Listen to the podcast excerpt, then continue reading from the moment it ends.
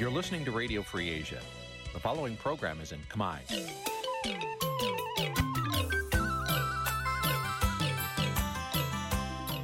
នេះជាកម្មវិធីផ្សាយ Vuthu Azizi Serai នេះជាកម្មវិធីផ្សាយរបស់ Vuthu Azizi Serai ជាភាសាខ្មែរ Vuthu Azizi Serai សូមស្វាគមន៍លោកអ្នកនាងទាំងអស់ពីរដ្ឋធានី Washington នៃសហរដ្ឋអាមេរិក បាទខ្ញុំបាទយ៉ងច័ន្ទដារាសូមជម្រាបសួរលោកអ្នកនាងអ្នកស្ដាប់ Vuthu Azizi Serai ទាំងអស់ជាទីមេត្រីខ្ញុំបាទសូមជូនកម្មវិធីផ្សាយសម្រាប់យប់ថ្ងៃសៅរ៍8រោចខែភទ្របទឆ្នាំថោះបัญចស័កពុទ្ធសករាជ2567ដែលត្រូវនឹងថ្ងៃទី7ខែតុលាគ្រិស្តសករាជ2023បាទជាដំបូងនេះសូមអញ្ជើញអស់លោកអ្នកនាងស្ដាប់ព័ត៌មានប្រចាំថ្ងៃដែលមានមេត្តាដូចតទៅ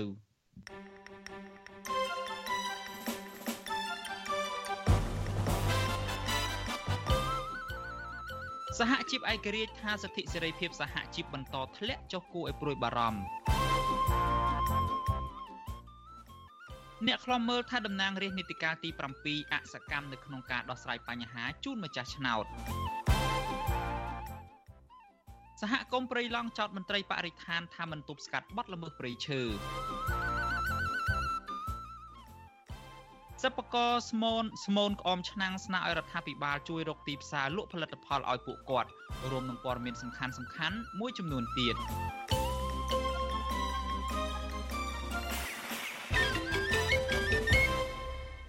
បាទជាបន្តទៅទៀតនេះខ្ញុំបាទយ៉ងច័ន្ទដារាសូមជូនព័ត៌មានទាំងនេះពឺស្ដា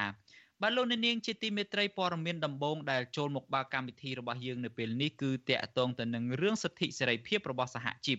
បាទរដ្ឋមន្ត្រីក្រសួងការងារលោកហេងសួរអះអាងថាកម្ពុជាគឺជាឋានសួគ៌ដែលបង្កើតសហជីពឡើង ដើម្បីការពារប្រយោជន៍ដល់កម្មករ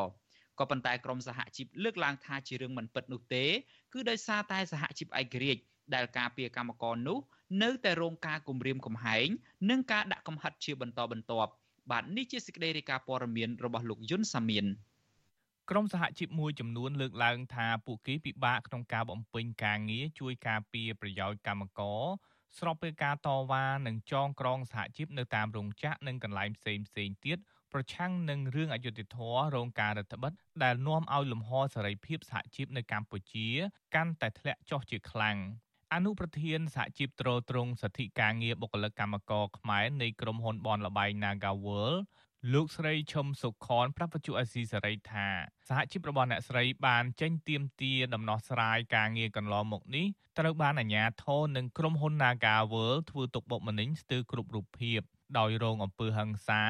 និងការប្រើប្រាស់ប្រព័ន្ធតុលាការចោទប្រកាន់សហជីពនិងចាប់មេដឹកនាំសហជីពគឺកញ្ញាឈឹមស៊ីធដាក់ពន្ធនាគារដោយអយុត្តិធម៌ជាដើម លើពីនេះអ្នកស្រីអះអាងថាក្រសួងការងារមិនបានយកចិត្តទុកដាក់ការពារសិទ្ធិនិងផលប្រយោជន៍ស្របច្បាប់របស់កម្មករនិងសហជីពដោយការលើកឡើងឡើយអ្នកស្រីថាបញ្ហានេះធ្វើឲ្យក្រុមហ៊ុនយកលេសបញ្ឈប់បុគ្គលិកទ្រង់ទ្រាយធំដើម្បីរំលាយសហជីពចោលតាមអំពើចិត្ត ត្រូវបានគេធ្វើទុកបុកម្នេញជាច្រើនលើកច្រើនសារហើយខាងក្រសួងការងារអីហ្នឹងតាំងពីរដ្ឋមន្ត្រីចាស់មកដល់រហូតដល់រដ្ឋមន្ត្រីថ្មីហ្នឹងគឺគ្មានការអើពើអីកម្មករបង្កើតសហជីពហើយសហជីពហ្នឹងបើជាសហជីពហ្នឹងទៀមទាការពារអត្ថប្រយោជន៍កម្មករគឺភាគច្រើននៅអត់បានហ្មងហើយជាឋានសួគ៌នៃសហជីពមិនកើតសហជីពធម្មតាសហជីពគឺការពារថាប្រយោជន៍កម្មករហ្នឹងហើយបានបង្កើតសហជីពបើការ ពារថាប្រយោជន៍តកែមិនដែរធ្វើតាមតកែមិនដែរចាំបាច់បង្កើតសហជីពធ្វើអីស្រដៀងគ្នានេះដែរអនុប្រធានសហជីពស្មារតីកម្មករខ្មែរប្រចាំរោងចក្រសិនតៃហ្គាមិនអ្នកស្រីមិចសៀងហៃលើកឡើងថាកម្មករនៅតែរងការរំលោភបំពានសិទ្ធិនិងខាតបង់ប្រយោជន៍នៅកន្លែងការងារបើសិនគ្មានសហជីពឯករាជ្យជួយការពារនោះទេ អ្នកស្រីឲ្យដឹងថាបច្ចុប្បន្នអ្នកស្រីពិបាកជួយកម្មករពីព្រោះសេរីភាពសហជីពនៅក្នុងរោងចក្ររួមតូចដោយត្រូវអាជ្ញាធរចោទប្រកាន់រឿងញុះញង់ចំណែកថៅកែវិញតាមដានសកម្មភាពដែលថ្នាក់ដឹកនាំសហជីពនៅថ្នាក់ក្រោមប្រឈមនឹងការបណ្តេញចេញពីការងារជាក់ស្ដែងអ្វីដែលពួកខ្ញុំជួបផ្ទាល់តែខ្ញុំធ្វើការគឺពិបាករងនឹងការរំលោភបំពានសិទ្ធិ សេរីភាពរបស់កម្មករក៏ដូចជាថ្នាក់ដឹកនាំសហជីពខ្ញុំថាអត់ល្អប្រសើរទេគឺពិបាកពួកខ្ញុំធ្វើការណាដល់ថ្ងៃនេះច្បាប់សហជីពសម្រាប់ពួកខ្ញុំមូលដ្ឋាននេះគឺតូចចង្អៀតមែនតែនធ្វើអីមួយគឺប្រហែសគឺចោលពីបនញុះញង់ប្រឈមគ្រប់រឿងនិយាយទៅខ្ញុំសឹងតែបោះបង់សិទ្ធិជាសហជីពនេះចោលម្ដងម្កាលដែរវាថាវាពិបាកពេកណាប្រតិកម្មនេះធ្វើឡើងបន្ទាប់ពីរដ្ឋមន្ត្រីក្រសួងកាងារលោកហេងសួរប្រាប់សហជីពចំនួន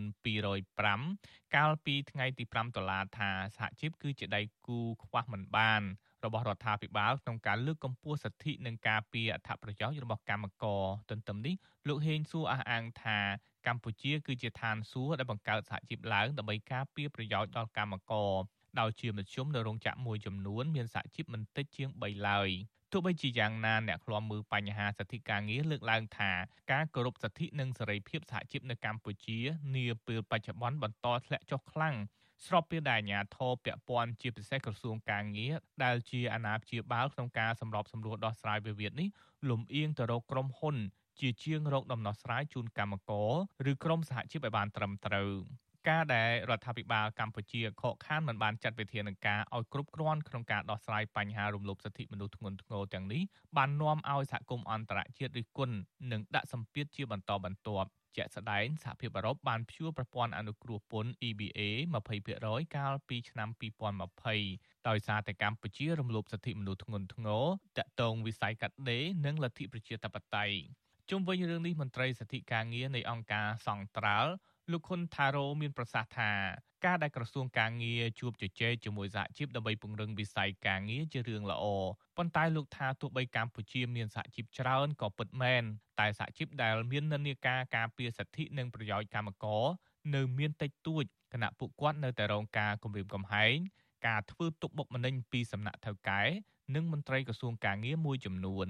បាប់ស្ដីពីសហជីពរបស់យើងនេះគឺធ្វើឲ្យមាន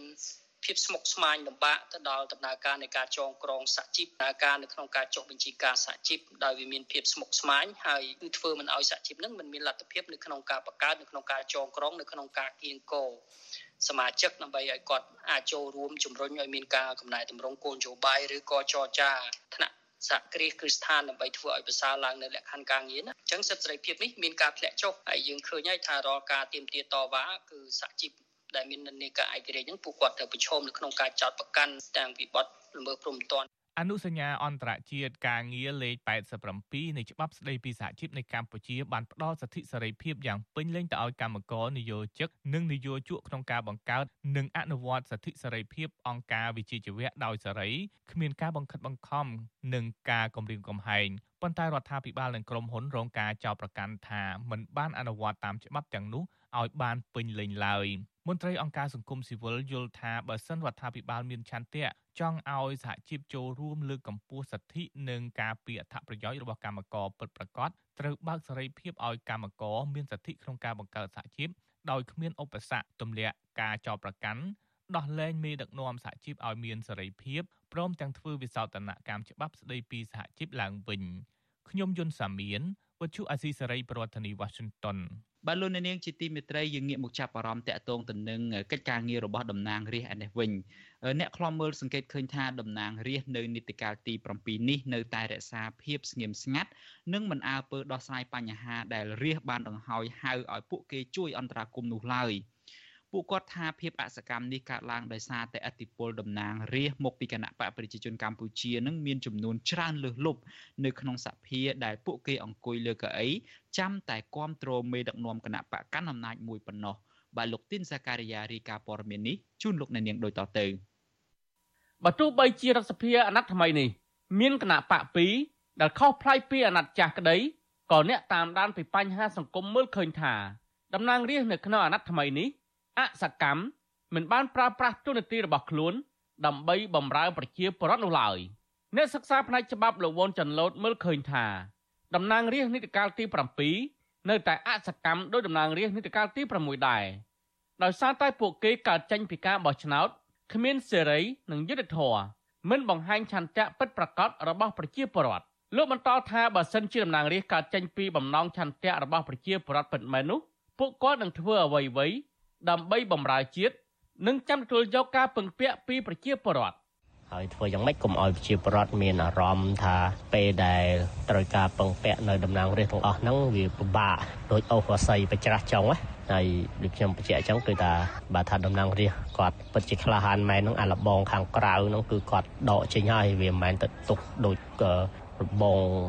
គុករបងអីចឹងទេដែលយើងមើលទៅវាដូចអត់សមផ្នែកតរសោះបាទអាណត្តិទី7នេះ រដ្ឋសភាមានគណៈបកនយោបាយតែពីរប៉ុណ្ណោះដែលទទួលបានអាសនៈក្រោយពីការបោះឆ្នោតថ្នាក់ជាតិដែលកោជបមិនអោយគណៈបកប្រឆាំងចូលរួមប្រកបប្រជែងកាលពីថ្ងៃទី22កក្កដាឆ្នាំ2023គឺគណៈបកប្រជាជនកម្ពុជារបស់លោកហ៊ុនសែនទទួលបានអាសនៈចំនួន120និងគណៈបកហ្វុនស៊ិនពេជ្ររបស់ព្រះអង្គម្ចាស់នរោត្តមចក្រវុឌ្ឍទទួលបានតែ5អាសនៈប៉ុណ្ណោះបើទោះជាយ៉ាងណាតាំងពីជាប់ឆ្នោតរហូតមកទល់ពេលនេះ មិនទាន់ឃើញតំណាងរាស្ត្រណាម្នាក់ចេញមុខដោះស្រាយឬមានយោបល់ជំវិញបញ្ហាប្រឈមធំធំរបស់ប្រជាពលរដ្ឋនោះឡើយ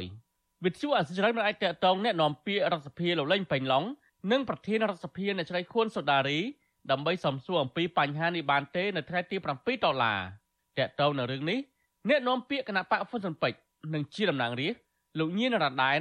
បដិសេធចំពោះការលើកឡើងថាតំណាងរាស្ត្រគណៈបកហ្វុនស៊ុនពេជ្រអសកម្ម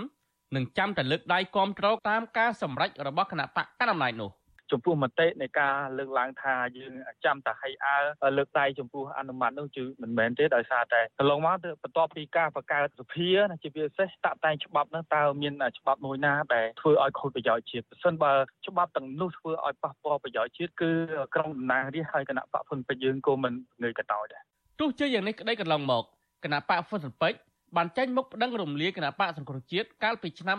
2017ដែលជាគូប្រជែងដ៏មានឥទ្ធិពលជាងគេរបស់គណៈបកកណ្ដាលអំណាច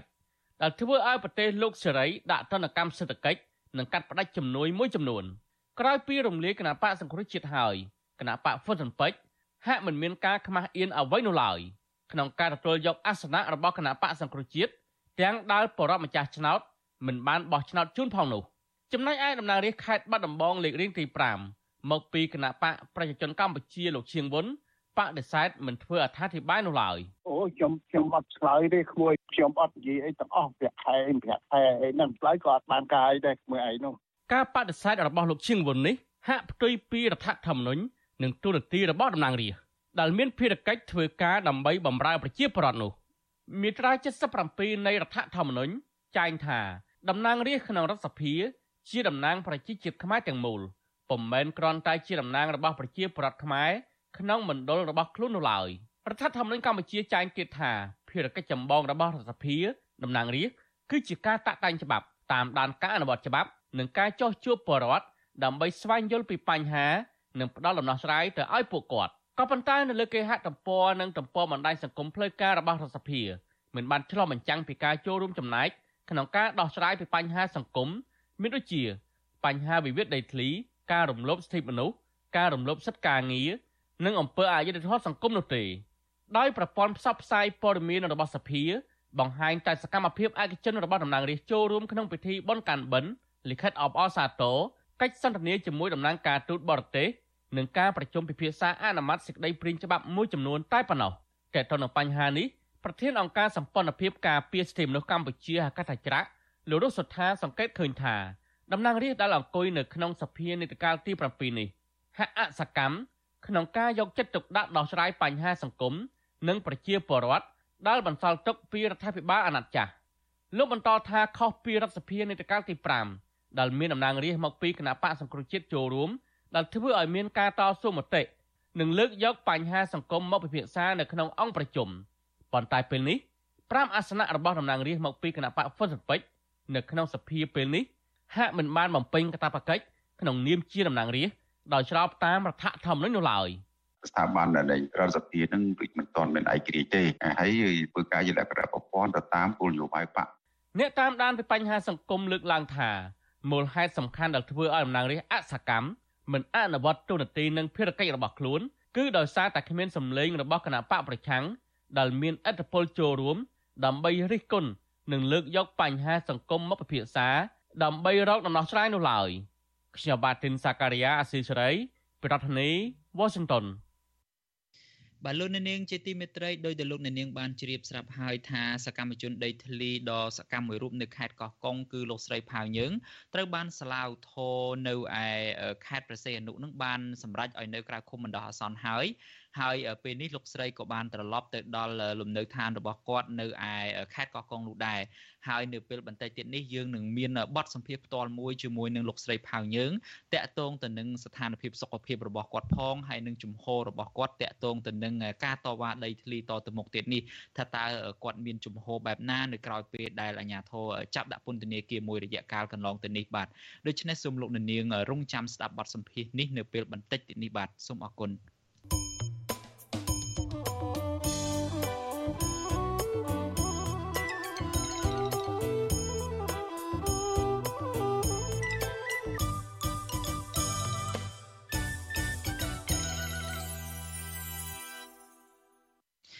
បាទលោកនាងជាទីមេត្រីនៅថ្ងៃនេះគឺជាថ្ងៃបុណ្យកាន់បិណ្ឌវេនទី8ហើយហើយវត្តអារាមមួយចំនួនហាក់ដូចជាមានសភាពស្ងប់ស្ងាត់ដោយសារតែពុំសូវមានពុទ្ធបរិស័ទនាំគ្នាទៅធ្វើបុណ្យនៅឡើយដោយសារតែពួកគាត់មានជីវភាពខ្វះខាតលោកយុនសមៀនរាយការណ៍ព័ត៌មាននេះមួយទៀតជូនលោកនាងដូចតទៅ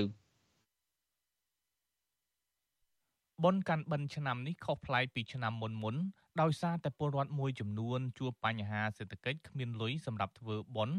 ដែលធ្វើឲ្យប្រសង់នៅតាមវត្តអារាមមួយចំនួនគ្មានចង្ហាន់ឆាន់គ្រប់គ្រាន់អ្នករត់កង់3នៅខេត្តបាត់ដំបងលោកអ៊ុចចំណានប្រាប់បច្ចុប្បន្នអសីសេរីនៅថ្ងៃទី7ខែតុលាថាពិធីបុណ្យឆ្នាំនេះពុំសូវមានភ្ញៀវទេសចរនិងពលរដ្ឋនាំគ្នាទៅវត្តនោះទេដែលធ្វើឲ្យលោកពិបាករកប្រាក់ចំណូល លោកបន្តថាបនកាន់បិណ្ឌវេនទី8ហើយប៉ុន្តែលោកគ្មានប្រាក់ធ្វើបននោះទេដោយសារតែបញ្ហាជីវភាពខ្វះខាត ហើយរវល់ធ្វើការងារដើម្បីរកប្រាក់ដោះស្រាយបញ្ហាជីវភាពកម្មបិណ្ឌនេះអត់បានទៅទេព្រោះអត់មានលុយសោះដែរមួយរត់បានវាមានគៀវដឹកខ្ញុំបើមិនជាអត់មានគៀវដឹកទេគាត់ក៏ប្រហែលជាអត់បានទៅដែរព្រោះព្រោះឥឡូវហ្នឹងសូម្បីតែលុយសម្រាប់ទិញម្ហូបទិញអន្តហ្នឹងក៏វាអត់មានដែរ ក្រៅពីពលរដ្ឋគ្មានប្រាក់ទៅធ្វើបន់ទៀនហើយនោះវត្តខ្លះក៏នៅខ្វះចង្ហាន់និងមិនមានពុទ្ធបរិស័ទធ្វើជាម្ចាស់វេនបិណ្ឌទៀតផងព្រះចៅអធិការគង់នៅវត្តសោតនិគមប្រជុំខេត្តឬហៅថាខេត្តបាក់ព្រាខេត្តបាត់ដំបងព្រះអង្គយតស៊ីយ៉ូនមានថរណិកាថានៅវត្តព្រះអង្គពុំសូវមានពុទ្ធបរិស័ទមកធ្វើបុណ្យប្រគេនចង្ហាន់នោះទេដោយសារវត្តនៅឆ្ងាយពីទីប្រជុំជន និងផ្លូវពិបាកធ្វើដំណើរ ព្រះអង្គមានថរណិកាបន្តថាវត្តព្រះអង្គពុំមានម្ចាស់វេនកាន់បិណ្ឌរាល់ថ្ងៃនោះទេដោយពុទ្ធបរិស័ទគ្មានបច្ច័យធ្វើចង្ហាន់បនតលេសាបវាខ្វះខាតនឹងខ្វះខាតច្រើនព្រោះណាមួយពុទ្ធបរិស័ទគាត់រកគាត់រួមទៅបានផងអីផងពិបាកនឹងការធ្វើបុណ្យធ្វើទានពិបាកពីបិណ្ឌ1ដល់បិណ្ឌ14ហ្នឹង14 អីហ្នឹងវាមានខ្លះអត់ខ្លះញោមវេនវេនដែលអត់អត់ហ្នឹងយើងសាមគ្គីគ្នាទៅណាយើងស្វាក់គ្នាទៅស្វាក់គ្នាដើម្បីបង្កើតជាកម្មវិធីមួយទៅឲ្យឲ្យកើតមានវេនមួយវេនមួយវេនមួយវេនហ្នឹងញោមដោយឡែកនៅវត្តជាប់ព្រំដែនប្រទេសវៀតណាមវិញព្រះចៅអធិការគង់នៅវត្តពូរាំងសីខេត្តស្វាយរៀងព្រះអង្គហេងសម្បត្តិមានធរណិកាថាព្រះអង្គមានប្រសង់គង់ចាំព្រះវស្សា22អង្គ ព្រះអង្គបន្តទៀតថាវត្តព្រះអង្គមានសភាពស្ងប់ស្ងាត់ជាងរាល់ឆ្នាំពលគឺមានសោតធរនៅក្នុងព្រះវិហារប៉ុន្តែពុំមានពុទ្ធបរិស័ទមកបោះបាយបិណ្ឌឡើយ មិនមានទេមិនមានទេនេះដោយសារប្រសងព្រះអង្គលោកគង់នៅ លោករស់ដោយការអព្យាស្រ័យនៃបិណ្ឌបាតអាដើបិណ្ឌបាតបិណ្ឌបាតថ្ងៃខ្លះក៏បានចង្ហាន់ទៅថ្ងៃខ្លះក៏មិនបានចឹងទៅប៉ុន្តែបើថ្ងៃណាដែលមិនបានហ្នឹងគឺចាត់ចែងធ្វើចង្ហាន់នៅក្នុងវត្តតែម្ដងដោយឡែកតែការនិមន្តដើរបិណ្ឌបាតហ្នឹងគឺមិនបរិបូរទេកន្លែងខ្លះចឹងទៅដើរមុនទៅនឹងបានមួយចានពីរចានចឹងទៅណាបង វិទ្យុអាស៊ីសេរីមិនអាចតាក់ទងណែនាំពាក្យក្រសួងធម្មការនិងសាសនាលោកសេងសុមុនីដើម្បីសាកសួរជុំវិញបញ្ហានេះបានទេនៅថ្ងៃទី7ខែតុលាជុំវិញបញ្ហានេះដែរប្រធានសមាគមសម្ព័ន្ធនិស្សិតបញ្ញវន្តខ្មែរលោកកើតសារាយមានប្រសាសន៍ថាលោកបានទៅលេងស្រុកកំណើតកាលពីពិធីកាន់បិណ្ឌវេនទី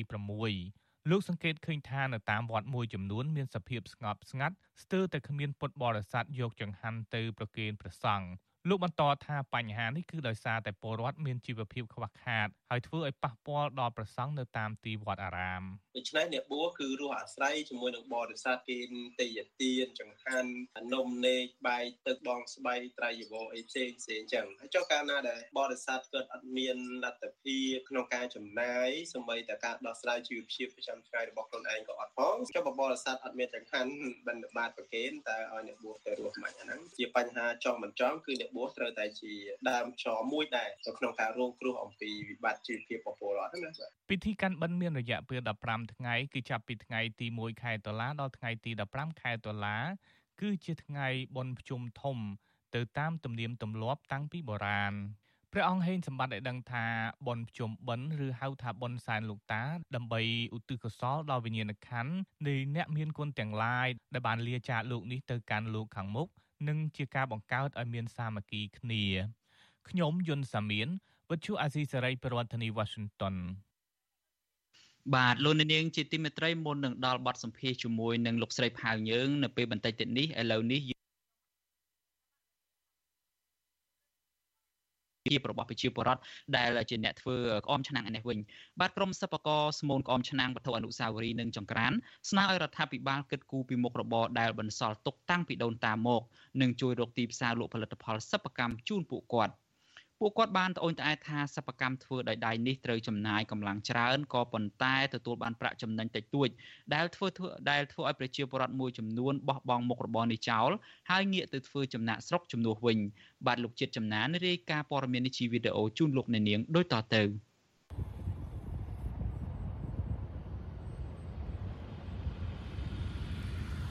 ប្រជាពលរដ្ឋមួយចំនួនដែលរស់នៅក្នុងភូមិមណ្ដងឫស្សី ឃុំស្រែថ្មី ស្រុករលាភៀខេត្តកំពង់ឆ្នាំងប្រកបរបរស្មូនក្អមឆ្នាំងវត្ថុអនុស្សាវរីយ៍និងធ្វើចង្ក្រានលក់ដើម្បីរកប្រាក់ចំណូលគាត់មកយក4 10 20អីចឹងណាហើយបបងបោះឈ្មោះគាត់មកយកបន្ទាប់ពីឈប់ធ្វើការនៅរោងចក្រកាត់ដេរលោកស្រីកែផល្លាបានចាប់យកមុខរបរនេះអស់រយៈពេល5ឆ្នាំមកហើយលោកស្រីចេះស្មូនក្អមឆ្នាំងនេះពីម្ដាយមីងរបស់លោកស្រីដែលគាត់ប្រកបមុខរបរនេះដែរហើយក្នុងមួយថ្ងៃលោកស្រី អាចស្មូនក្អមចន្លោះពី80ទៅ100ក្អមដោយទទួលបានប្រាក់ចំណូល300ដុល្លារក្នុងមួយខែលោកស្រីកែផល្លាបន្តថាតម្លៃលក់រាយក្នុងក្អមមួយថ្លៃពី2000រៀលនិងលក់បោះដុំតម្លៃត្រឹមតែ1000រៀលប៉ុណ្ណោះហើយបញ្ហាតម្លៃថោកនេះគឺដោយសារតែមានការនាំចូលរបស់របរពីក្រៅប្រទេសជាច្រើនដែលធ្វើឲ្យតម្លៃវត្ថុដែលធ្វើដោយដៃនៅក្នុងស្រុកពុំសូវទទួលបានការឲ្យតម្លៃនោះទេបងថាបើគាត់ចុះមកបងថា អឺសូមឲ្យគាត់រកទីផ្សារជួយអ្នកដែលមានមុខរបរនាំចេញទៅតាមខេត្តនាំចេញទៅតាមប្រទេសអីបានឲ្យគាត់ជួយរកទីផ្សារឲ្យពលរដ្ឋនៅក្នុងភូមិដងសីនឹងអញ្ចឹងណាអូនខ្ញុំថាមានការងារជាប់រហូតយើងអត់ចំណាក់ស្រុកទៅឆ្ងាយឆ្ងាយដូចអ្នកផ្សេងផ្សេងដូចគ្នាអត់ចេះមុខរបរនឹងអញ្ចឹងណាអូនស្នើទៅថ្នាក់ដឹកនាំអីក៏រាជរដ្ឋាភិបាលអីចឹងដែលគាត់អ្នក ម្ចាស់សិប្បកម្មផលិតចង្ក្រានលោកជេងសុផល ថាជីវភាពគ្រួសាររបស់លោកសពថ្ងៃគឺពឹងផ្អែកទៅលើការធ្វើចង្ក្រាននេះ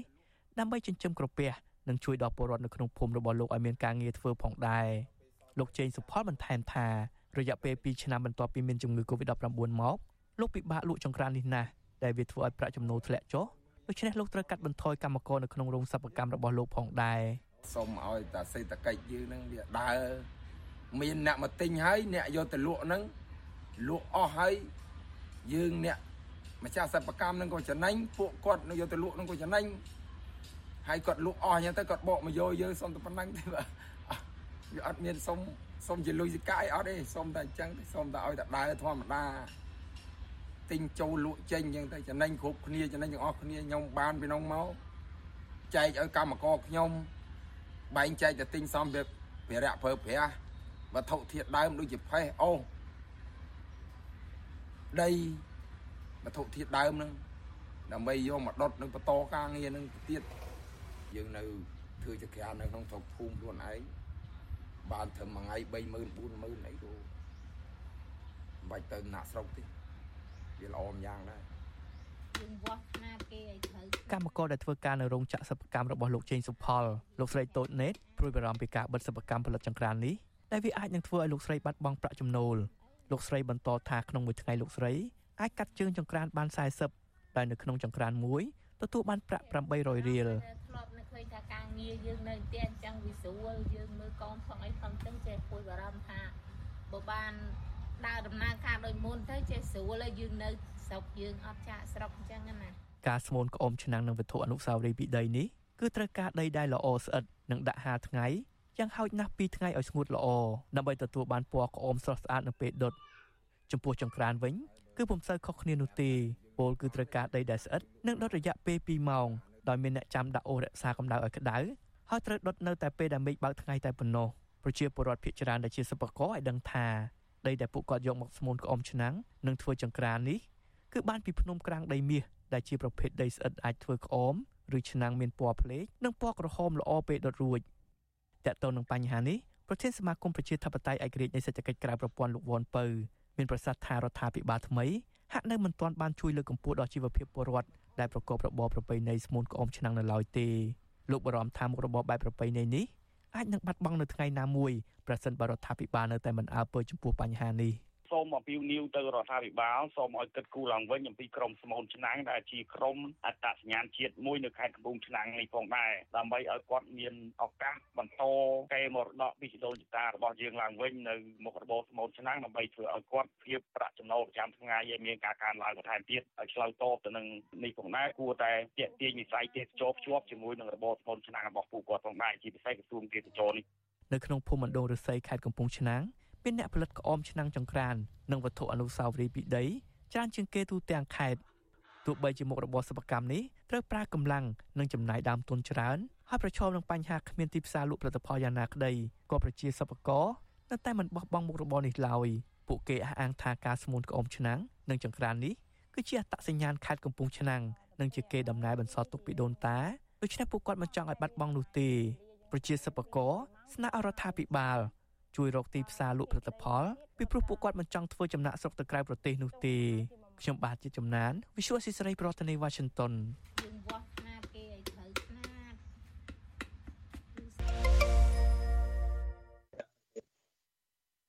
បាទលោកនាងជាទីមេត្រីដូចខ្ញុំបាទបានជម្រាបជូនហើយថាយើងនឹងមានបទសម្ភាសន៍តមួយជាមួយនឹងលោកស្រីផៅយើងសកម្មជនដីធ្លីនៅឯខេត្តកោះកុងដែលទើបតែត្រូវបានស្លាវធរតំបន់ដោះលែងឲ្យនៅក្រៅឃុំបណ្ដោះអាសន្ននៅពេលនេះហើយយើងបានភ្ជាប់ទៅលោកស្រីតាមរយៈប្រព័ន្ធ Skype ហើយនៅពេលនេះខ្ញុំបាទសូមជម្រាបសួរលោកស្រីផៅយើងបាទចាជម្រាបសួរអរបាទ អឺលោកស្រីផៅយើងជាដំបូងនេះយើងក៏សូមចូលរួមអបអរសាទរដល់លោកស្រីដែរដែលបានដែលត្រូវបានខាងសាឡាវធរតំបន់នឹងអនុញ្ញាតឲ្យលោកស្រីបាននៅក្រៅឃុំបណ្ដោះអាសន្នហើយស្របពេលដែលពិធីបុណ្យកាន់បិណ្ឌប្រជុំបិណ្ឌនឹងកំពុងតែប្រព្រឹត្តទៅផងដោយសារតែប្រហែលថ្ងៃមុននេះខ្ញុំបានសម្ភាសកូនលោកស្រីដែរថារងាឯកាខ្លាំងណាស់នៅក្នុងពេលប្រជុំបិណ្ឌកាន់បិណ្ឌនេះគឺថាអត់មានម្ដាយនៅក្បែរទេឥឡូវលោកស្រីបាននៅក្រៅឃុំហើយថាតើលោកស្រីនឹងធ្វើអ្វីដែរដំបូងនេះលោកស្រីបានបាទបន្ទាប់ពីចេញពីពន្ធនាគារហើយនេះបាទចាបន្ទាប់ពីចេញពីពន្ធនាគារនេះខ្ញុំអត់មានកម្លាំងមានអីទេហឹងតិចហើយក្បាលខ្ញុំត្រូវស្ពឹកឲ្យដេកអត់លក់ទេអញ្ចឹងទៅខ្ញុំអត់អាចធ្វើអីកើតឡើយទេដោយសារតែខ្ញុំមកដល់ឡើងត្រូវបានឃើញផ្ទះចៅកោះខូចខាតរបស់សម្ភារៈជាច្រើនហើយអ្វីដែលខ្ញុំ ខំសន្សំកន្លះជីវិតនេះត្រូវបានបាត់បង់ទាំងស្រុងអញ្ចឹងខ្ញុំបាទជំរាបសួរលោកស្រីផៅយើងលោកស្រីនៅលឺយើងខ្ញុំទេបាទហើយយើងហាក់ដូចជាដាច់ប្រព័ន្ធ Skype ជាមួយលោកស្រីផៅយើងហើយយើងនឹងព្យាយាមភ្ជាប់ទៅលោកស្រីបន្ថែមទៀតអឺ ដើម្បីឲ្យលោកស្រីប្រាប់អំពីស្ថានភាពនៅពេលនេះដោយដែលលោកនាងបានជ្រាបស្រាប់ហើយថាលោកស្រីផៅយើងត្រូវបានអាជ្ញាធរចាប់ខ្លួនជាមួយនឹងប្រជាពលរដ្ឋចំនួន9នាក់ផ្សេងទៀតក៏ប៉ុន្តែ7នាក់ទៀតត្រូវបានគេដោះលែងឲ្យនៅក្រៅឃុំពីមួយរយៈមុនហើយ2នាក់ទៀតគឺលោកស្រីផៅយើងនិងលោកស្រីសេងលីនហ្នឹងគឺ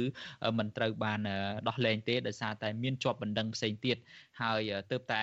កាលពីម្សិលមួយថ្ងៃនេះទេដែលស្លាវធោប្រសេនុនឹងសម្រាប់ដោះលែងឲ្យលោកស្រីទាំងពីរនឹងបាននៅក្រៅឃុំហើយយើងកំពុងតែតាក់ទងភ្ជាប់ទៅលោកស្រីផៅយើងដើម្បីឲ្យលោកស្រីរៀបរាប់បន្ថែមអំពីស្ថានភាពនេះលោកស្រីនៅលឺយើងខ្ញុំទេបាទលឺលឺបងបាទបាទអ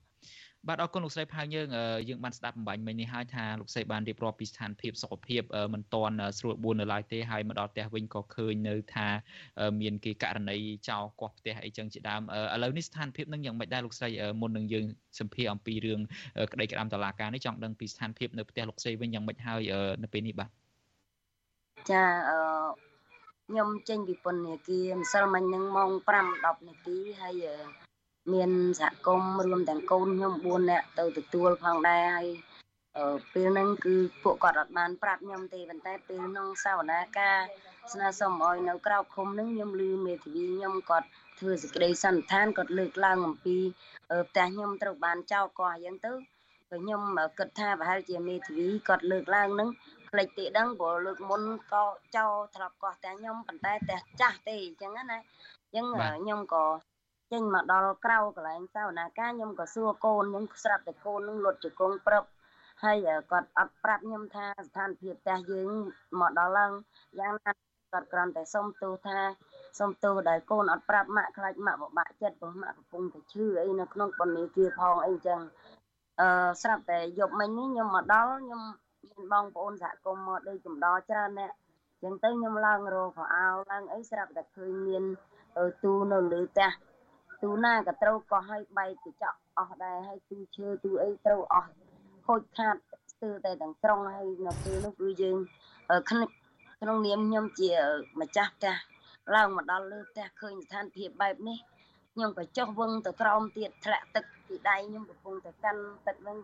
ហើយខ្ញុំចុះទៅសួរកូនវិញទៅដល់ក៏ឃើញទូនៅក្រោមផ្ទះហ្នឹងត្រូវបានគេកោះខ្ទេចខ្ទីទៀតចឹងហើយខ្ញុំស្លុតណាស់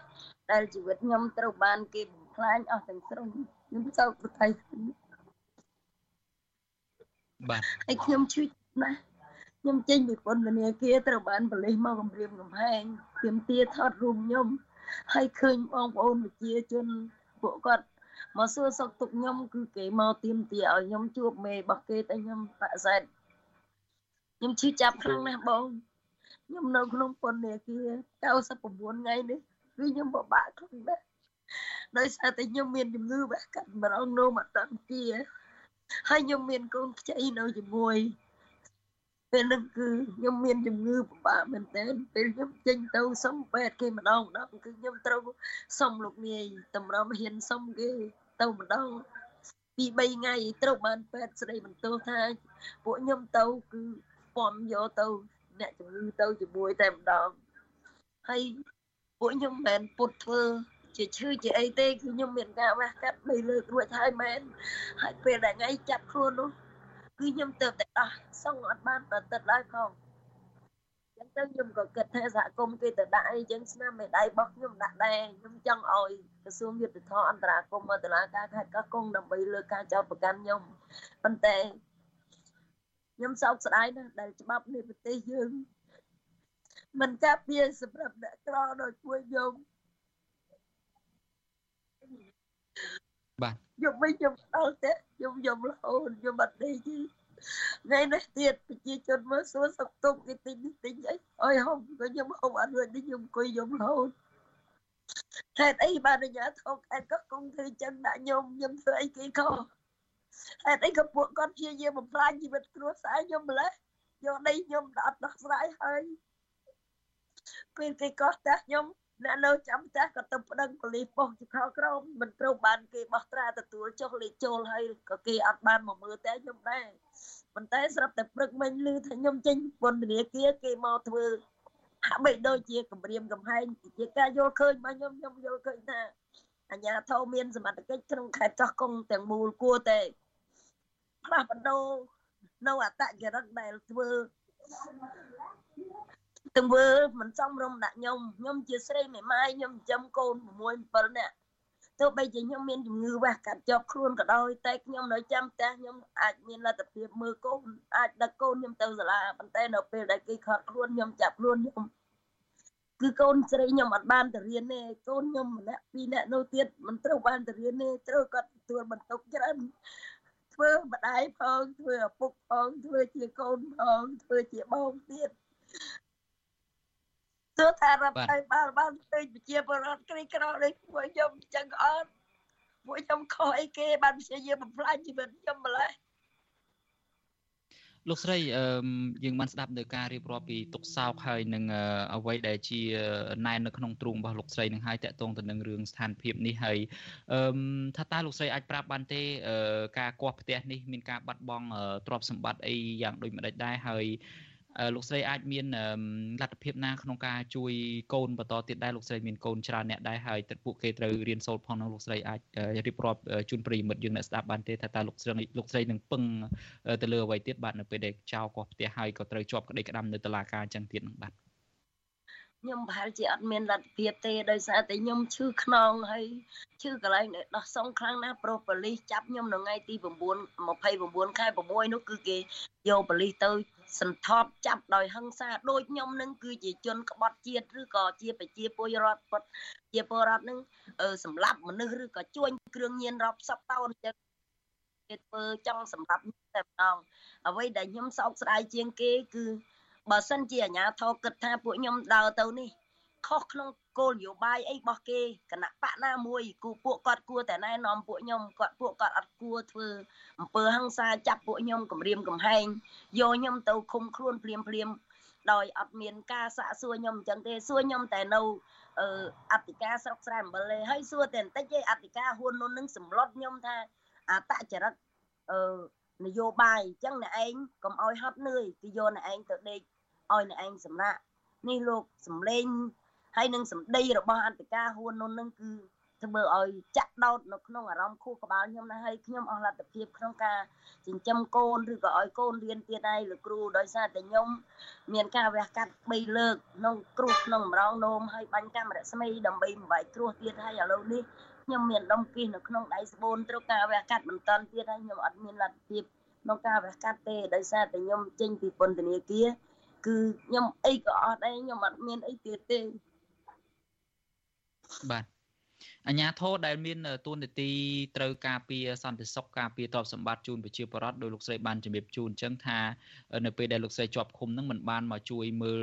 ថែទាំឬមួយក៏ការពារស្ថានភាពផ្ទះលោកស្រីទេដល់ទៅពេលលោកស្រីចេញពីពន្ធនាគារមកវិញត្រូវបានតុលាការអនុញ្ញាតរួចហើយឲ្យនៅក្រៅឃុំហើយបែរជាមកថតរូបមកសួរនាំអីក្នុងនៃគម្រាមកំហែងអញ្ចឹងទៅវិញតើលោកស្រីយល់យ៉ាងណាដែរចំពោះទង្វើទាំងនេះបាទ ចាខ្ញុំយល់ឃើញថាអាញាធរមិនបានការពារក្នុងនាមបំពេញតួនាទីកតាបកិច្ចជាការពារឲ្យពលរដ្ឋទេគឺពួកគាត់ការពារតែអ្នកមានហើយពួកគាត់ធ្វើគម្រាមកំហែងខ្ញុំជីវិតខ្ញុំគឺតាំងពីខ្ញុំចាប់ផ្ដើមបាត់បង់ដីធ្លីតាំងតាំងពីពួកខ្ញុំចេញតវ៉ាទៅគឺមានការគម្រាមកំហែងខ្ញុំរហូតហើយរឿងមួយទៀតដែលពួកខ្ញុំសោកស្ដាយបំផុតនោះ គឺប៉ុស្តិ៍ជាខក្រោមហើយនឹងអឺ ឃុំជាខក្រមមិនបានទទួលការស្នើសុំរបស់កូនខ្ញុំដើម្បីបញ្ជាក់ឲ្យកូនខ្ញុំទៅជួបខ្ញុំនៅពន្ធនាគារទេបានតែមេភូមិប្រៃជីទេអញ្ចឹងហើយពួកគាត់គឺខកខានក្នុងការបំពេញតួនាទីដើម្បីជួយដោះស្រាយបញ្ហាប្រជាពលរដ្ឋទេទោះបីជាគាត់មិនបានការពារខ្ញុំក៏ដោយប៉ុន្តែគួរណាស់តែអ្នកផ្ទះខ្ញុំបានទៅដាក់ពាក្យបណ្ដឹងគាត់គួរតែបោះត្រាលេខចូលហើយជាពិសេសគឺគាត់ត្រូវតែ មកតាមដាននៅអ្វីដែលពួកខ្ញុំស្នើសុំឲ្យគាត់មកពិនិត្យគឺគាត់អត់មកទេបាទអឺលោកស្រីខ្ញុំមានចំណុចមួយទៀតចង់សាកសួរលោកស្រីដែរដោយសារតែឥឡូវនេះលោកស្រីក៏មានបញ្ហាជីវភាពហើយដែរប៉ះពាល់ដោយសារករណីចោលកោះផ្ទះអីហ្នឹងហើយ ទន្ទឹមពេលហ្នឹងទេស្ថានភាពសុខភាពរបស់លោកស្រីក៏ហាក់បីដូចជាមិនអំណោយផលដែរគឺថាលោកស្រីមានជំងឺច្រើនមុខដោយដែលបានរៀបរាប់បាញ់មិញអញ្ចឹងខ្ញុំចង់នឹងថាតើទៅមុខទៀតលោកស្រីនឹងប្រកាន់ជំហរបែបណាឬមួយក៏មានគម្រោងធ្វើយ៉ាងណាដែរតកតងទៅនឹងរឿងសិទ្ធិដីធ្លីឬតកតងទៅនឹងសិទ្ធិរបស់សហគមន៍នៅខាងជីខនឹងលោកស្រីបានមានគម្រោងធ្វើអ្វីបន្តទៀតដែរអាចធ្វើទៅបានទេមើលទៅរឿងសកម្មភាពតវ៉ាឬមួយក៏ទាមទារដោយសន្តិវិធីនេះបាទ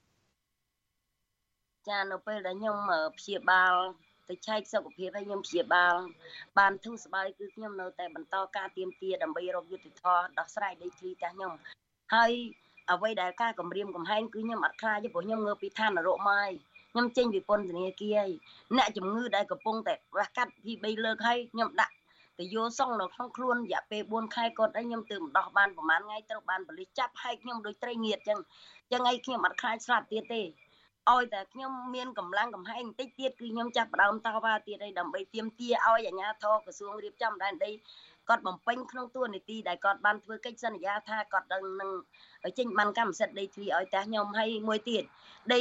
ចំការរបស់ខ្ញុំដែលរដ្ឋាភិបាលបានដោះស្រាយកាលពីឆ្នាំ2017 18អត់មានផ្លូវទេនៅពេលខែវស្សាអញ្ចឹងគឺផ្លូវពិបាកមែនតើ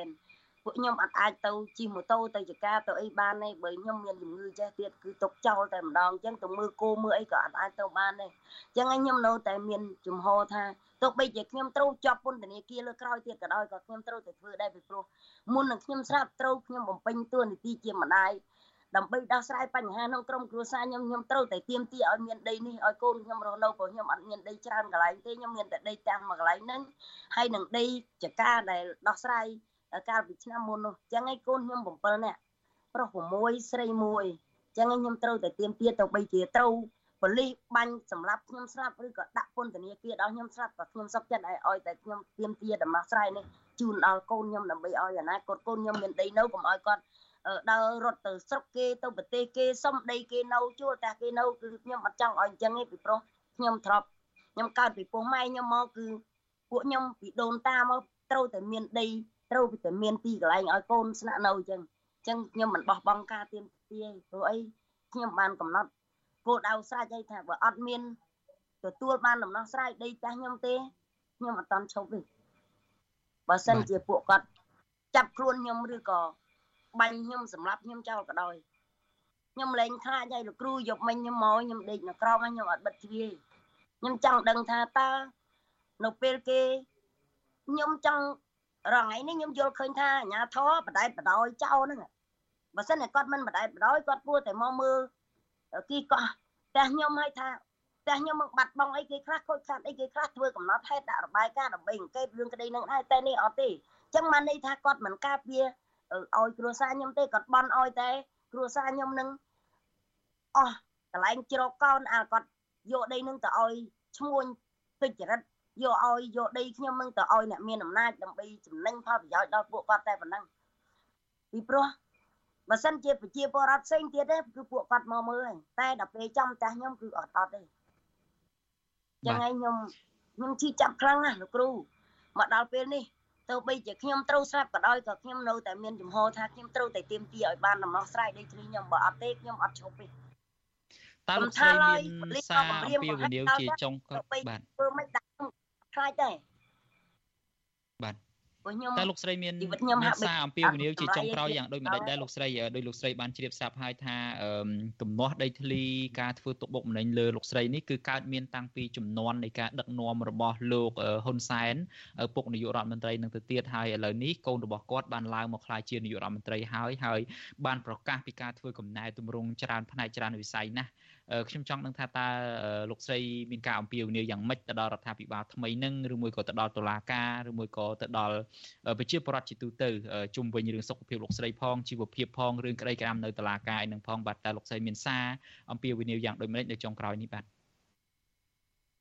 ចាជាចុងក្រោយខ្ញុំសូមអំពាវនាវដល់ជាពិសេសរាជរដ្ឋាភិបាលកម្ពុជា សម្ដេចហ៊ុនម៉ាណែតដែលកាន់តំណែងថ្មីហើយជាពិសេសឮថាកែតម្រង់យុទ្ធធរផងអញ្ចឹងខ្ញុំសង្ឃឹមថាសម្ដេចនឹងអន្តរាគមទៅក្រសួងយុទ្ធធរក្រសួងយុទ្ធធរនឹងអាចអន្តរាគមទៅតុលាការសាលាអូតូដើម្បី សម្រាប់រឿងក្តីរោគយុទ្ធធរឲ្យពួកខ្ញុំទាំង9នាក់ហ្នឹងក៏ដូចជារឿងក្តីមួយទៀតដែលឆាយវីប្តឹងនោះគឺឆាយវីបានលក់ដីពិតប្រកបមែនប៉ុន្តែតឡាការខេត្តកោះកុងមិនបានរយយុទ្ធធរឲ្យខ្ញុំទេបែរទៅជាចាប់ខ្លួនពួកខ្ញុំអ្នកការពារដីរដ្ឋហ្នឹងទៅជាប់គុកទៅវិញខ្ញុំសោកស្ដាយខ្លាំងណាស់កន្លែងនេះស្នើសុំឲ្យសម្ដេចសខេងមេត្តាពិនិត្យទៅលើអាជ្ញាធរមានសមត្ថកិច្ចដូចជានគរបាលយុទ្ធធរហ្នឹងឲ្យពិនិត្យឡើងវិញដើម្បីកែតម្រង់នឹងបើមិនអញ្ចឹងទេគឺពួកគាត់ បើធ្វើបែបនេះគឺប្រជាពលរដ្ឋនឹងស្លាប់ជាពិសេសគឺក្រុមគ្រួសារខ្ញុំតែម្ដងហើយមួយទៀតសូមអំពាវនាវដល់សាលាអូតូសូមឲ្យលោកប្រធានតឡាការអូតូមេតារោគយុទ្ធធរនិងផ្ដាល់យុទ្ធធរឲ្យពួកខ្ញុំផងពួកខ្ញុំគឺពិតជាអ្នកជនរងគ្រោះដីធ្លីពិតប្រកបមែនជាចុងក្រោយខ្ញុំសូមអំពាវនាវដល់បងប្អូនប្រជាពលរដ្ឋអ្នករងគ្រោះដីធ្លីក៏ដូចជាបងប្អូនប្រជាពលរដ្ឋដែល សប្បុរសជនទាំងអស់តែងតែជួយនាងខ្ញុំនេះសូមឲ្យបងប្អូនទាំងអស់មេត្តាជួយខ្ញុំបន្តទៀតទៅដើម្បីស្រោចស្រង់ជីវិតគ្រួសារខ្ញុំឡើងវិញព្រោះខ្ញុំអស់អីឥឡូវនេះហើយខ្ញុំត្រូវការវះកាត់បន្ថែមទៀតហើយខ្ញុំនៅជំងឺនេះខ្ញុំអង្គុយអត់តាន់បានយូរទេក្តៅខ្នងហើយខ្ញុំនៅពន្ធនាគារពីរថ្ងៃខ្ញុំសុំលោកនាយទៅទៅចាក់ថ្នាំហើយអញ្ចឹងទៅពេលខ្លះខ្ញុំអត់ហ៊ានសុំគេញឹកពេកខ្ញុំទុកខ្លួនឯងឈឺអត់ អត់ហ៊ានចេញពីក្នុងបន្ទប់ក៏មានដែរហើយខ្ញុំក៏អរគុណពន្ធនាគារខេត្តកោះកុងដែលគេយកចិត្តទុកដាក់គេអត់ដាក់ខ្ញុំឲ្យបានកន្លែងជាទៀតទេគេដាក់ឲ្យតលាយហើយគេឲ្យខ្ញុំដាក់ចក្រានដាំបាយគេឲ្យមេធាវីខ្ញុំដាក់សម្ភារៈប្រើប្រាស់មួយចំនួនដើម្បីឲ្យខ្ញុំបានដាំបាយដើម្បីហូបខ្លួនឯងខ្ញុំអរគុណពួកគាត់អ្នកដែលកាន់កាប់ពន្ធនាគារគឺពួកគាត់ល្អប៉ុន្តែ បើសម្រាប់មន្ត្រីនគរបាលយុទ្ធធរវិញគឺពួកគាត់ធ្វើទុកបុកម្នេញខ្ញុំណាគាត់ធ្វើអញ្ចឹងសួរថាបងប្អូនប្រជាពលរដ្ឋគេយល់យ៉ាងម៉េចបើសម្រាប់ខ្ញុំខ្ញុំយល់ឃើញថា ជាការបំផិតបំភ័យជាការគម្រាមកំហែងហើយមួយទៀតគឺខ្ញុំគិតថាពួកគាត់ការពារតែចោលគាត់អត់ការពារពួកខ្ញុំអ្នកបាត់បង់ដីទេគាត់ការពារអ្នកដែល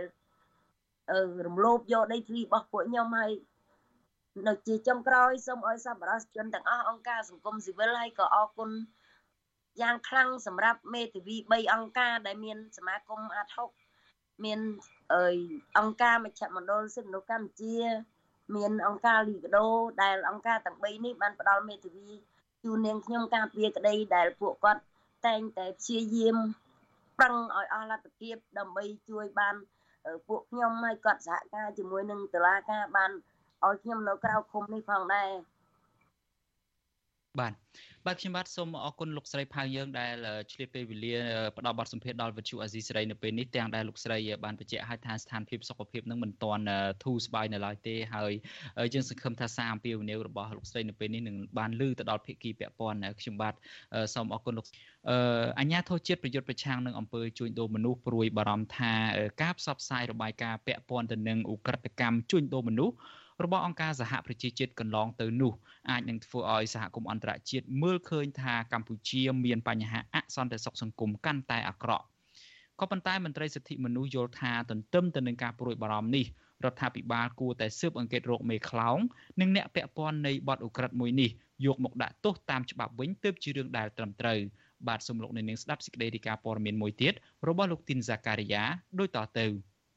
ការបញ្ចេញប្រតិកម្មរបស់អាជ្ញាធរជាតិប្រយុទ្ធប្រឆាំងអំពើជួញដូរមនុស្សនេះនៅស្របពេលដែលកម្ពុជាកំពុងតែរងការញោមញីនិងល្បីល្បាញខ្លាំងពាក់ព័ន្ធនឹងការបង្ខាំងធ្វើទរណកម្មមនុស្សនិងអក្រិតកម្មជួញដូរមនុស្សដែលអង្គការសហប្រជាជាតិព្រមទាំងស្ថាប័នកសែតអន្តរជាតិធំធំលាតត្រដាងអំពីបញ្ហានេះជាបន្តបន្ទាប់អនុប្រធានអចិន្ត្រៃយ៍នៃគណៈកម្មាធិការជាតិប្រយុទ្ធប្រឆាំងអំពើជួញដូរមនុស្សអ្នកស្រីជួប៊ុនអេងប្រាប់វិទ្យុអាស៊ីសេរីនៅថ្ងៃទី7ដុល្លារថា អង្គការសហប្រជាជាតិគួរតែផ្ដល់ជាអនុសាសន៍និងយុទ្ធសាស្ត្រនានាជាមួយកម្ពុជា ជាជាងផ្សព្វផ្សាយពីបញ្ហាជួញដូរមនុស្សដែលអ្នកស្រីចាត់ទុកថាជាការបង្អើលដល់សហគមន៍អន្តរជាតិឲ្យមើលឃើញកម្ពុជាថាមានស្ថានភាពអាក្រក់អ្នកស្រីអះអាងថាការលាតត្រដាងរបស់អង្គការសហប្រជាជាតិព្រមទាំងស្ថាប័នកសែតអន្តរជាតិមួយចំនួនពុំមែនជាដំណោះស្រាយក្នុងការទប់ស្កាត់បញ្ហាជួញដូរមនុស្សនៅកម្ពុជានោះទេ អ្នកស្រីទទួលស្គាល់ថាកម្ពុជាកំពុងតែមានស្ថានភាពលំបាកនិងបញ្ហាជួញដូរមនុស្សប៉ុន្តែអ្នកស្រីបដិសេធចំពោះការរកឃើញរបស់អង្គការសហប្រជាជាតិដែលថាកម្ពុជាមានមនុស្សប្រមាណជា1សែននាក់កំពុងរងការបង្ខំ ឲ្យធ្វើការឆបោកតាមប្រព័ន្ធអ៊ីនធឺណិតនោះក្នុងនាម UN គឺគួរណាស់តែផ្ដល់អនុសាសន៍ដើម្បីឲ្យប្រទេសដែលមានបញ្ហាឬជួបការលំបាកនឹងដោះស្រាយយើងកំពុងតែចង់រកឲ្យឃើញដែរថាតើ100,000អ្នកនឹងនៅណាវាហាក់ដូចជាក្រន់តែជាការផ្សព្វផ្សាយក្រន់តែជាការបង្អើលហើយជាពិសេសគឺធ្វើឲ្យជនល្មើសនឹងគេនៅតែមានឱកាសប្រព្រឹត្តបទល្មើសដដែលប្រតិកម្មរបស់មន្ត្រីអាជ្ញាធរជាតិប្រយុទ្ធប្រឆាំងអំពើជួញដូរមនុស្សបែបនេះ ធ្វើឡើងបន្ទាប់ពីអង្គការសហប្រជាជាតិចេញផ្សាយរបាយការណ៍កាលពីខែកញ្ញាដែលរកឃើញថាកម្ពុជាស្ថិតនៅក្នុងចំណោមប្រទេសនៅក្នុងតំបន់អាស៊ីអាគ្នេយ៍ដែលជាមជ្ឈមណ្ឌលឆបោកតាមប្រព័ន្ធអនឡាញដោយបង្ខំឲ្យធ្វើអំពើអក្រិតកម្មតាមប្រព័ន្ធអ៊ីនធឺណិតអង្គការសហប្រជាជាតិទទួលបន្ទុកផ្នែកសិទ្ធិមនុស្សរកឃើញថាមានមនុស្សប្រមាណជា1សែននាក់ត្រូវបានបង្ខំឲ្យធ្វើការបោកប្រាស់តាមអនឡាញនៅកម្ពុជា ហើយចុះរងគ្រោះ ប្រឈមមុខនឹងការរំលោភបំពានគំរាមកំហែងដល់សវត្ថិភាពនិងសន្តិសុខក្រៅពីនេះមនុស្សជាច្រើនបានទទួលរងការធ្វើទរណកម្មនិងប្រាអំពើហិង្សាដោយអមនុស្សធម៌ការខំខ្លួនដោយបំពាន និងអំពើហិង្សាផ្លូវភេទជាដើមផ្ទុយទៅវិញអ្នកស្រីជួបបនអេងមិនទទួលស្គាល់របាយការណ៍ផ្សព្វផ្សាយនេះឡើយអ្នកស្រីអះអាងថាការផ្សព្វផ្សាយរបស់អង្គការសហប្រជាជាតិកន្លងមកនេះបានជះឥទ្ធិពលធំធេងដល់សង្គមកម្ពុជាទៅវិញអ្នកស្រីបញ្ជាក់ទៀតថាកន្លងមក សាច់ញាតិឬអាណាព្យាបាលជនបរទេសក្នុងតំបន់មួយចំនួនបានដាក់ពាក្យប្តឹងមកកាន់សមត្ថកិច្ចកម្ពុជាហើយអះអាងថាសាច់ញាតិរបស់ខ្លួនរងការបង្ខាំងនៅកម្ពុជានោះដោយសារតែពួកគេព្រួយបារម្ភអំពីបងប្អូនកូនចៅរបស់ខ្លួនរងការបង្ខាំងនិងរងការជួញដូរនៅកម្ពុជាអ្នកស្រីថាអង្គការសហប្រជាជាតិនិងភាគីពាក់ព័ន្ធគួរតែចង្អុលបង្ហាញពីទីតាំងដែលក្រុមអក្រិតជនកំពុងតែប្រព្រឹត្តការជួញដូរមនុស្ស ជាជាងផ្សព្វផ្សាយពីបញ្ហាកំពុងតែកើតឡើង។ ប៉ុន្តែឥឡូវយើងកំពុងតែចង់ឲ្យ UN បើសិនជាគាត់ដឹងច្បាស់នៅក្នុងនាមជា UN ដែលហៅថាធ្វើការជាអង្គការសហប្រជាជាតិចាំបាច់ណាស់ដែលត្រូវតែផ្ដល់នៅអនុសាសន៍ថាតើកម្ពុជាគួរធ្វើយ៉ាងម៉េចឬមួយក៏ប្រទេសនីមួយៗដែលជួបនឹងបញ្ហាគួរធ្វើយ៉ាងម៉េចពីព្រោះឥឡូវហ្នឹងហាក់ដូចជាចង់ចង្អុលតែរឿងប្រទេសរឿងរដ្ឋាភិបាលប៉ុន្តែសួរថាជនល្មើសថាហេតុអីក៏យើងមិនមានវិធានការជួយគ្នាដើម្បីបំបត្តិអ ுக ្រិតកម្មឬមួយក៏លុបបំបត្តិបញ្ហាដែលវាកំពុងកើតមាន ទោះជាបែបនេះក្តីរបាយការណ៍អង្គការសហប្រជាជាតិឲ្យដឹងទៀតថាទីតាំងដ៏ពេញនិយមនៃការប្រព្រឹត្តបទល្មើសឆបោកតាមអនឡាញនៅកម្ពុជា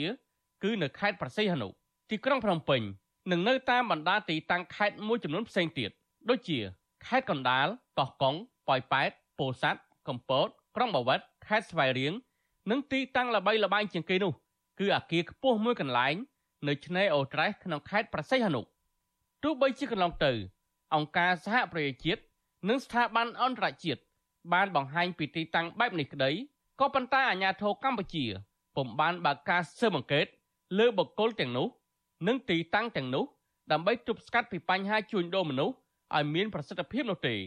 ជុំវិញនឹងរឿងនេះប្រធានអង្គការសម្ព័ន្ធភាពការពារសិទ្ធិមនុស្សកម្ពុជាហកថាច្រាក់លោករស់សុថាមានប្រសាសន៍ថា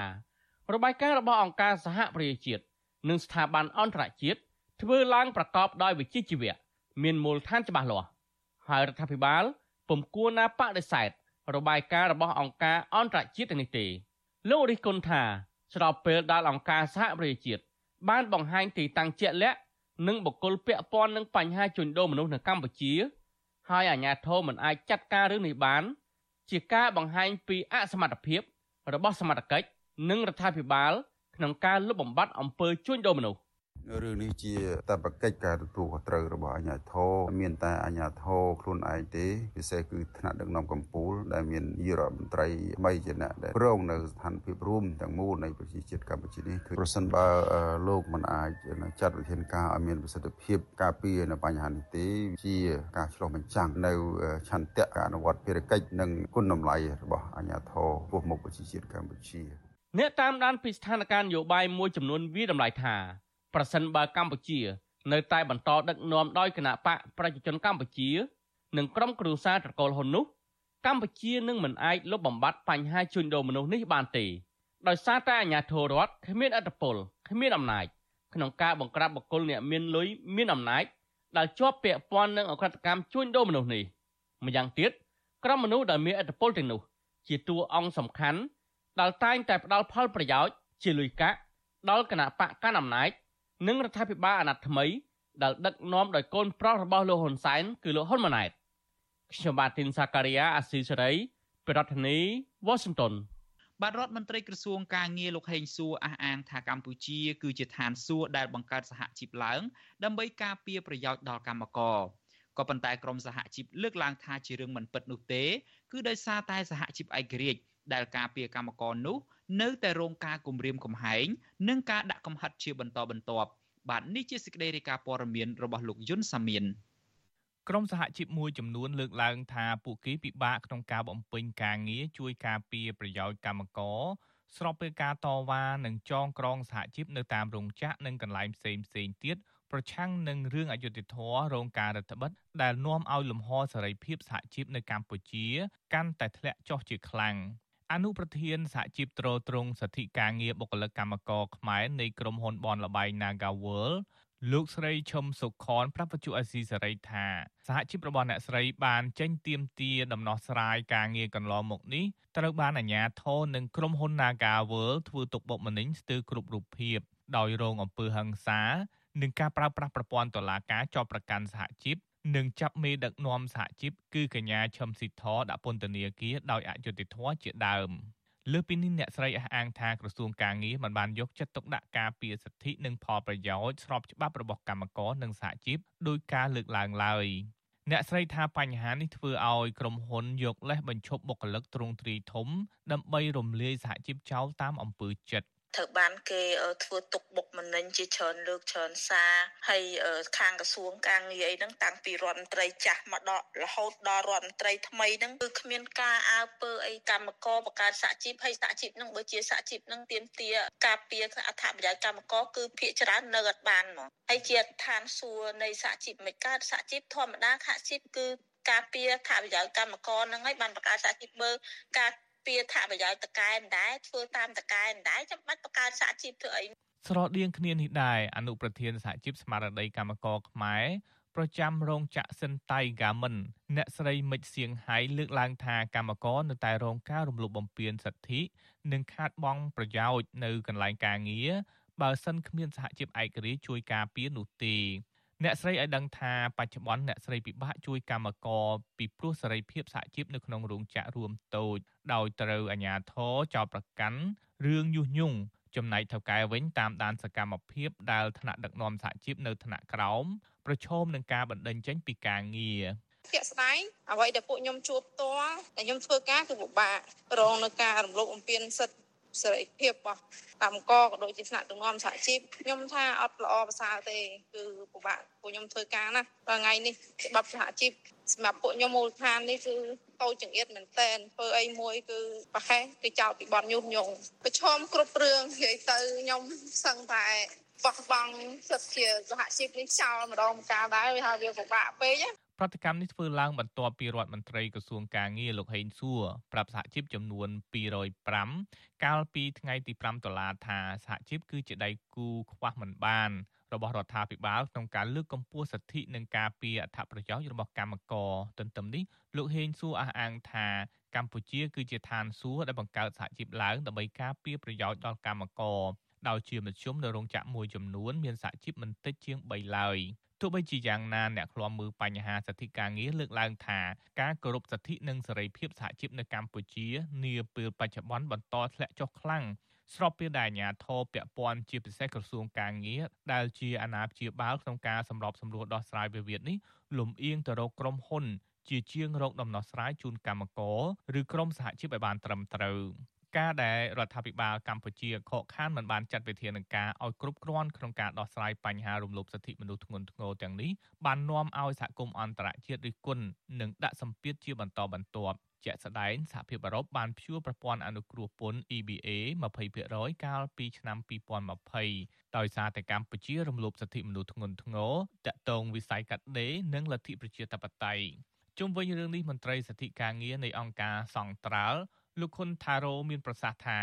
ការដែលក្រសួងការងារជួបជជែកជាមួយសហជីពដើម្បីពង្រឹងវិស័យការងារជារឿងល្អប៉ុន្តែលោកថាទោះបីកម្ពុជាមានសហជីពច្រើនក៏ពិតមែនតែសហជីពដែលមាននិន្នាការការពារសិទ្ធិនិងប្រយោជន៍កម្មករនៅមានតិចតួចគណៈពួកគាត់នៅតែរងការគំរាមកំហែងការធ្វើទុកបុកម្នេញពីសំណាក់ថៅកែនិងមន្ត្រីក្រសួងការងារមួយចំនួនច្បាប់ស្ដីពីសហជីពរបស់យើងនេះគឺធ្វើឲ្យមាន ភាពស្មុគស្មាញលំបាកទៅដល់ដំណើរការនៃការចងក្រងសហជីពដំណើរការនៅក្នុងការចុះបញ្ជីការសហជីពដោយវាមានភាពស្មុគស្មាញហើយគឺធ្វើមិនឲ្យសហជីពនឹងមិនមានលទ្ធភាពនៅក្នុងការបង្កើតនៅក្នុងការចងក្រងនៅក្នុងការគៀងគរ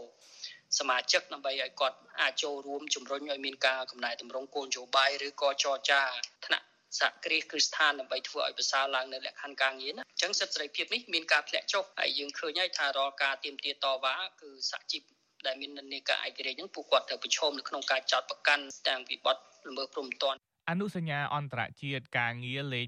87នៃច្បាប់ស្តីពីសហជីពនៅកម្ពុជាបានផ្ដល់សិទ្ធិសេរីភាពយ៉ាងពេញលេញទៅឲ្យកម្មករនិយោជិកនិងនិយោជកក្នុងការបង្កើតនិងអនុវត្តសិទ្ធិសេរីភាពអង្គការវិជាជីវៈដោយសេរីគ្មានការបង្ខិតបង្ខំនិងការគំរាមកំហែង ប៉ុន្តែរដ្ឋាភិបាលនិងក្រុមហ៊ុនរងការចោទប្រកាន់ថាមិនបានអនុវត្តតាមច្បាប់ទាំងនោះឲ្យបានពេញលេញឡើយមន្ត្រីអង្គការសង្គមស៊ីវិលយល់ថាបើសិនរដ្ឋាភិបាលមានឆន្ទៈចង់ឲ្យសហជីពចូលរួមលើកកម្ពស់សិទ្ធិនិងការពារអត្ថប្រយោជន៍របស់កម្មករពិតប្រាកដត្រូវបើកសេរីភាពឲ្យកម្មករមានសិទ្ធិក្នុងការបង្កើតសហជីពដោយគ្មានឧបសគ្គទម្លាក់ការចោទប្រកាន់